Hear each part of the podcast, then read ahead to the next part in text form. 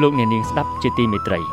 វេទិកាសេដ្ឋកិច្ចនិងធុរកិច្ចអាស៊ីអឺរ៉ុបលើកទី1គឺជាវេទិកាអមមួយក្នុងចំណោមវេទិកាអមទាំង6របស់កិច្ចប្រជុំកំពូលអាស៊ានលើកទី13ដែលក្រសួងពាណិជ្ជកម្មកំពុងត្រៀមរៀបចំធ្វើវេទិកានេះនៅថ្ងៃទី24ខែវិច្ឆិកាឆ្នាំ2021តាមរយៈប្រព័ន្ធ Video Conference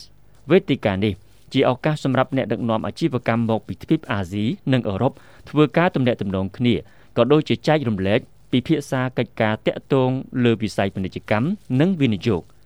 ពិសេសសម្រាប់ថ្នាក់ដឹកនាំកម្ពុជាកម្ពុជាមកពីបណ្ដាប្រទេសផ្សេងផ្សេងចូលរួមដោះស្រាយបញ្ហាប្រឈមនានាក្នុងពេលបច្ចុប្បន្ននិងអនាគតក្នុងគោលបំណងជំរុញកំណើនសេដ្ឋកិច្ចពាណិជ្ជកម្មវិនិយោគនិងការអភិវឌ្ឍនៃបណ្ដាប្រទេសទាំងអស់នៅក្នុងទ្វីបអាស៊ីនិងអឺរ៉ុបផងដែរដូច្នេះរាជរដ្ឋាភិបាលកម្ពុជា បដិញ្ញាចិត្តនឹងរៀបចំកិច្ចប្រជុំមួយនេះឲ្យបានបើទោះបីជាស្ថិតនៅក្នុងបរិបទ COVID-19 ក្តីដើម្បីជ្រាបច្បាស់ពីបញ្ហានេះសូមអញ្ជើញលោកអ្នកនាងស្ដាប់បទយកការរបស់វិទ្យុជាតិកម្ពុជាដូចតទៅ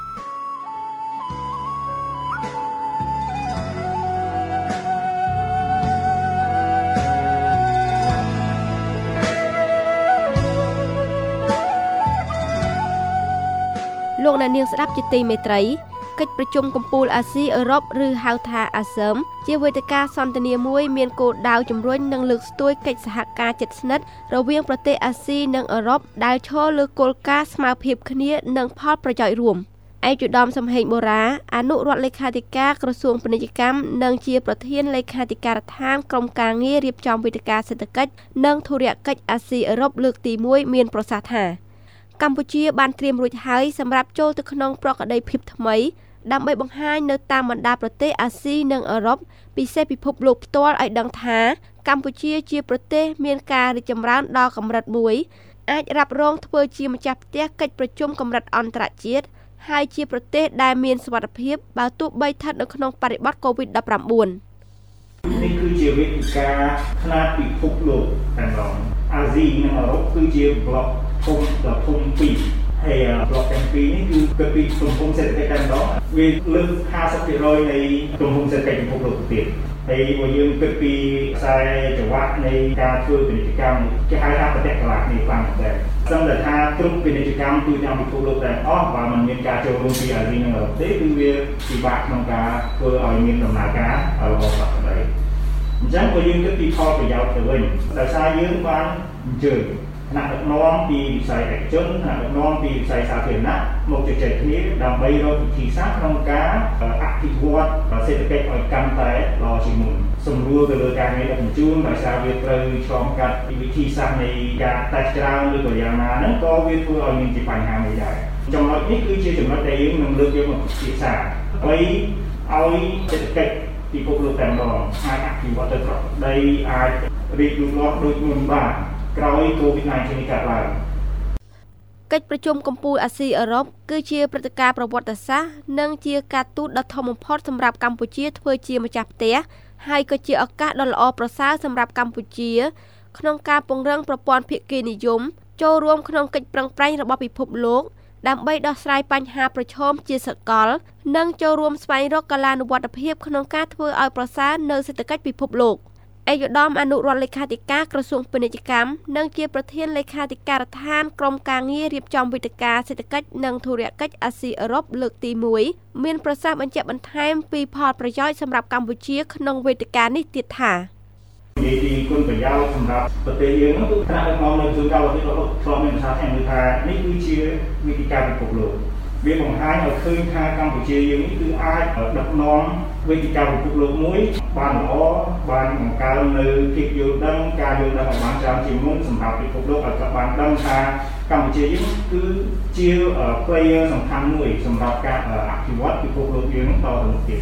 បិទថាប្រទេសទូចមួយហ្នឹងប៉ុន្តែយើងគឺជាប្រទេសទូចមួយដែលមានវោហាធំដែលមានបំណងល្អហើយដែលមានទឹកចិត្តក្នុងការជួយជំរុញការអភិវឌ្ឍឲ្យកាន់តែរីកលូតលាស់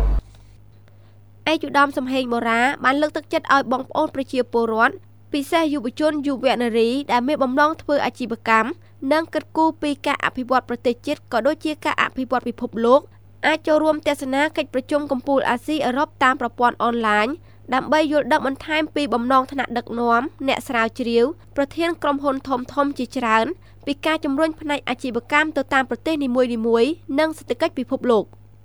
បើយើងគិតមើលវាជាឱកាស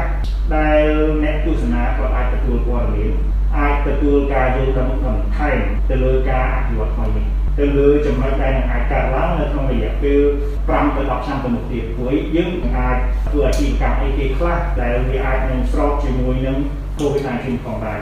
ហើយកន្លែងនេះយើងដឹងថាយើងនឹងស្គាល់អស់តកតងនឹងអាជីវកម្មបៃតងតកតងនឹង logistics តកតងនឹង ការរៀបចំដើម្បី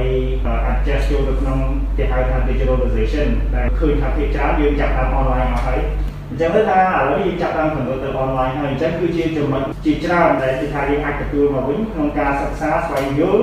ហើយទៅរៀបចំផែនការផ្ទាល់ខ្លួនសម្រាប់អភិវឌ្ឍការងារផ្ទាល់ខ្លួនរបស់យើងផងសម្រាប់ចូលរួមអភិវឌ្ឍប្រទេសជាតិផងក៏ចូលរួមអភិវឌ្ឍវិស័យទាំងអស់ដែលគេនឹងលើកឡើងមកដើម្បីពិភាក្សាហើយនឹងយើងអាចយល់ដឹងបន្ថែមដែរបាទ ចាប់តាំងពីឆ្នាំ1996មកនេះគឺជាលើកទី1ហើយដែលកម្ពុជាទទួលធ្វើជាម្ចាស់ផ្ទះកិច្ចប្រជុំកំពូលអាស៊ីអឺរ៉ុបហើយកិច្ចប្រជុំនេះបានក្លាយជាវេទិកាមួយយ៉ាងសំខាន់សម្រាប់កិច្ចសហប្រតិបត្តិការជាដៃគូក្នុងការថែរក្សាសន្តិភាពស្ថិរភាពការអភិវឌ្ឍសង្គមនិងសេដ្ឋកិច្ចប្រកបដោយចីរភាពឯកឧត្តមមាសោភ័ណ្ឌជាអនុប្រធាននៃអនុគណៈកម្មការសម្របសម្រួល ការរៀបចំព្រឹត្តិការណ៍ក្រៅកិច្ចប្រជុំកំពូលនេះបានមានប្រសាសន៍នៅក្នុងកម្មវិធីសន្ទនាមតិជីវិតយើងសង្គមយើងរបស់វិសុជាតិថានៅក្នុងឱកាសនៃការធ្វើជាម្ចាស់ផ្ទះនៃកិច្ចប្រជុំកំពូលអាស៊ីអឺរ៉ុបលើកទី13ព្រះរាជាណាចក្រកម្ពុជាពិតជាទទួលបានអត្ថប្រយោជន៍ជាច្រើនតាមរយៈពង្រឹងនៅកិច្ចសហប្រតិបត្តិការរវាងទ្វីបអាស៊ីនិងអឺរ៉ុបទៅលើវិស័យនយោបាយសេដ្ឋកិច្ចវប្បធម៌សង្គមទេសចរជាដើមដើម្បីតេទៀងវិនិយោគិន ក៏ដូចជាភ្ញៀវទេសចរមកទស្សនាប្រទេសកម្ពុជាកាន់តែច្រើនបន្ថែមទៀតនាពេលអនាគតវាជាឱកាសមួយនៅក្នុងការពង្រឹងនៅភាពជាដៃគូរវាងប្រជាជាតិកម្ពុជាទៅនឹងបណ្ដាប្រទេសនៅក្នុងតំបន់អាស៊ីក៏ដូចជាទៅនឹងតំបន់អឺរ៉ុបដើម្បីធ្វើយ៉ាងណាស្វែងរកនៅឱកាសក្នុងការចាប់ ជាដៃគូទាំងផ្នែកពាណិជ្ជកម្មសេដ្ឋកិច្ចនយោបាយក៏ដូចជាវប្បធម៌ទេសចរអីជាដើមហើយតាមរយៈវេទិកានេះជាយើងនឹងបង្ហាញអំពីអ្វីដែលជាចំណុចខ្លាំងក៏ដូចជាសក្តានុពលនៃប្រជាជាតិកម្ពុជារបស់យើងទៅកាន់តំបន់អាស៊ីក៏ដូចជាតំបន់អឺរ៉ុបព្រមទាំងក៏ដូចជានៅក្នុងពិភពលោកទាំងមូលធ្វើយ៉ាងណាដើម្បីជំរុញនៅកំណត់សេដ្ឋកិច្ចនៅក្នុងរាជាណាចក្រកម្ពុជារបស់យើងនេះឲ្យកាន់តែប្រសើរថែមឡើងមួយកម្រិតទៀត ឯកឧត្តមមាសសុភ័ណ្ឌអំពាវនាវឲ្យបងប្អូនប្រជាពលរដ្ឋចូលរួមអបអរសាទរក៏ដូចជាត្រៀមលក្ខណៈក្នុងការចូលរួមចំណែកជាមួយរាជរដ្ឋាភិបាលដើម្បីធ្វើយ៉ាងណាឲ្យព្រឹត្តិការណ៍អន្តរជាតិដ៏មានសារៈសំខាន់មួយនេះប្រព្រឹត្តទៅដោយជោគជ័យនិងមហាអស្ចារ្យ ហើយទន្ទឹមនោះក៏សូមអំពាវនាវទៅដល់អ្នកសារព័ត៌មានរបស់យើងធ្វើយ៉ាងណាចូលរួមចំណែកនៅក្នុងការផ្សព្វផ្សាយព្រឹត្តិការណ៍ផ្សេងផ្សេងដែលពាក់ព័ន្ធទៅនឹងកិច្ចប្រជុំកំពូលអាស៊ីអឺរ៉ុបលើកទី13នេះឲ្យបានកាន់តែទូលំទូលាយតាមគ្រប់មធ្យោបាយដើម្បីឲ្យពិភពលោកបានយល់ដឹងកាន់តែច្បាស់ កាន់តែច្រើនអំពីប្រជាណាចក្រកម្ពុជាក៏ដូចជាយល់ដឹងថាព្រឹត្តិការណ៍កិច្ចប្រជុំកំពូលអាស៊ីអឺរ៉ុបលើកទី13និងព្រឹត្តិការណ៍អមផ្សេងផ្សេងនេះកំពុងតែនឹងត្រូវបានត្រៀមលក្ខណៈនិងត្រូវបានរៀបចំនៅក្នុងប្រជាណាចក្រកម្ពុជានាខែវិច្ឆិកាខាងមុខនេះផងដែរថ្លែងនៅក្នុងវេទិកាស្ដីពីកិច្ចប្រជុំកំពូលអាស៊ីអឺរ៉ុបលើកទី13ដែលរៀបចំឡើងដោយក្លឹបអ្នកកាសែតកម្ពុជាកាលពីកន្លងទៅអេយុដាមលួយដាវីត រដ្ឋលេខាធិការក្រសួងការបរទេសនិងសហប្រតិបត្តិការអន្តរជាតិមានប្រសាសន៍ថាមូលហេតុនិងអត្ថប្រយោជន៍មួយចំនួនដែលកម្ពុជាទទួលធ្វើជាម្ចាស់ផ្ទះនៃកិច្ចប្រជុំដ៏ធំនេះទី1គឺដើម្បីបង្ហាញពីភាពចាស់ទុំផ្នែកនយោបាយការទូតរបស់កម្ពុជាក៏ដូចជាឱកាសដែលកម្ពុជាលើកមុខមាត់លើឆាកអន្តរជាតិតាមរយៈការបង្ហាញតួនាទីរបស់ខ្លួន ក្នុងការចូលរួមដោះស្រាយបញ្ហាប្រឈមលើពិភពលោកដែលកំពុងជួបប្រទះ។ ទី2ជាឱកាសដែលកម្ពុជាពង្រឹងកិច្ចសហប្រតិបត្តិការជាមួយបណ្ដាប្រទេសអាស៊ីទាំងអស់ទី3វត្តមានរបស់ថ្នាក់ដឹកនាំមកពីបណ្ដាប្រទេសនានាដូចជាប្រទេសបារាំងអាល្លឺម៉ង់ជប៉ុនកូរ៉េរុស្ស៊ីជាដើម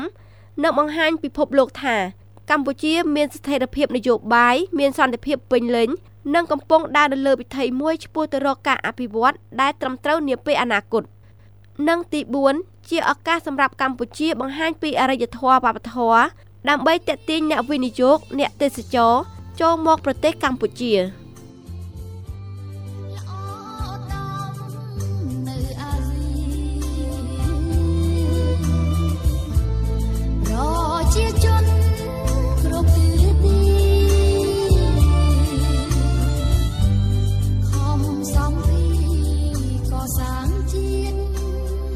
លោកអ្នកនាងស្ដាប់ជាទីមេត្រី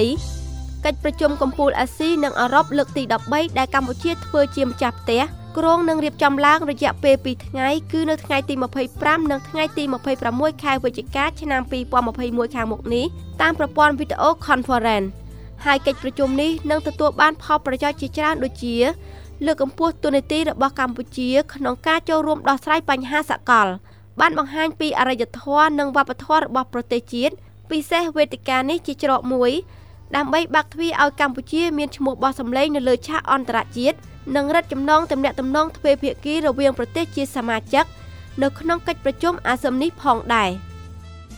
នាងខ្ញុំហៀងគុន្ធាវិសុជាតិកម្ពុជា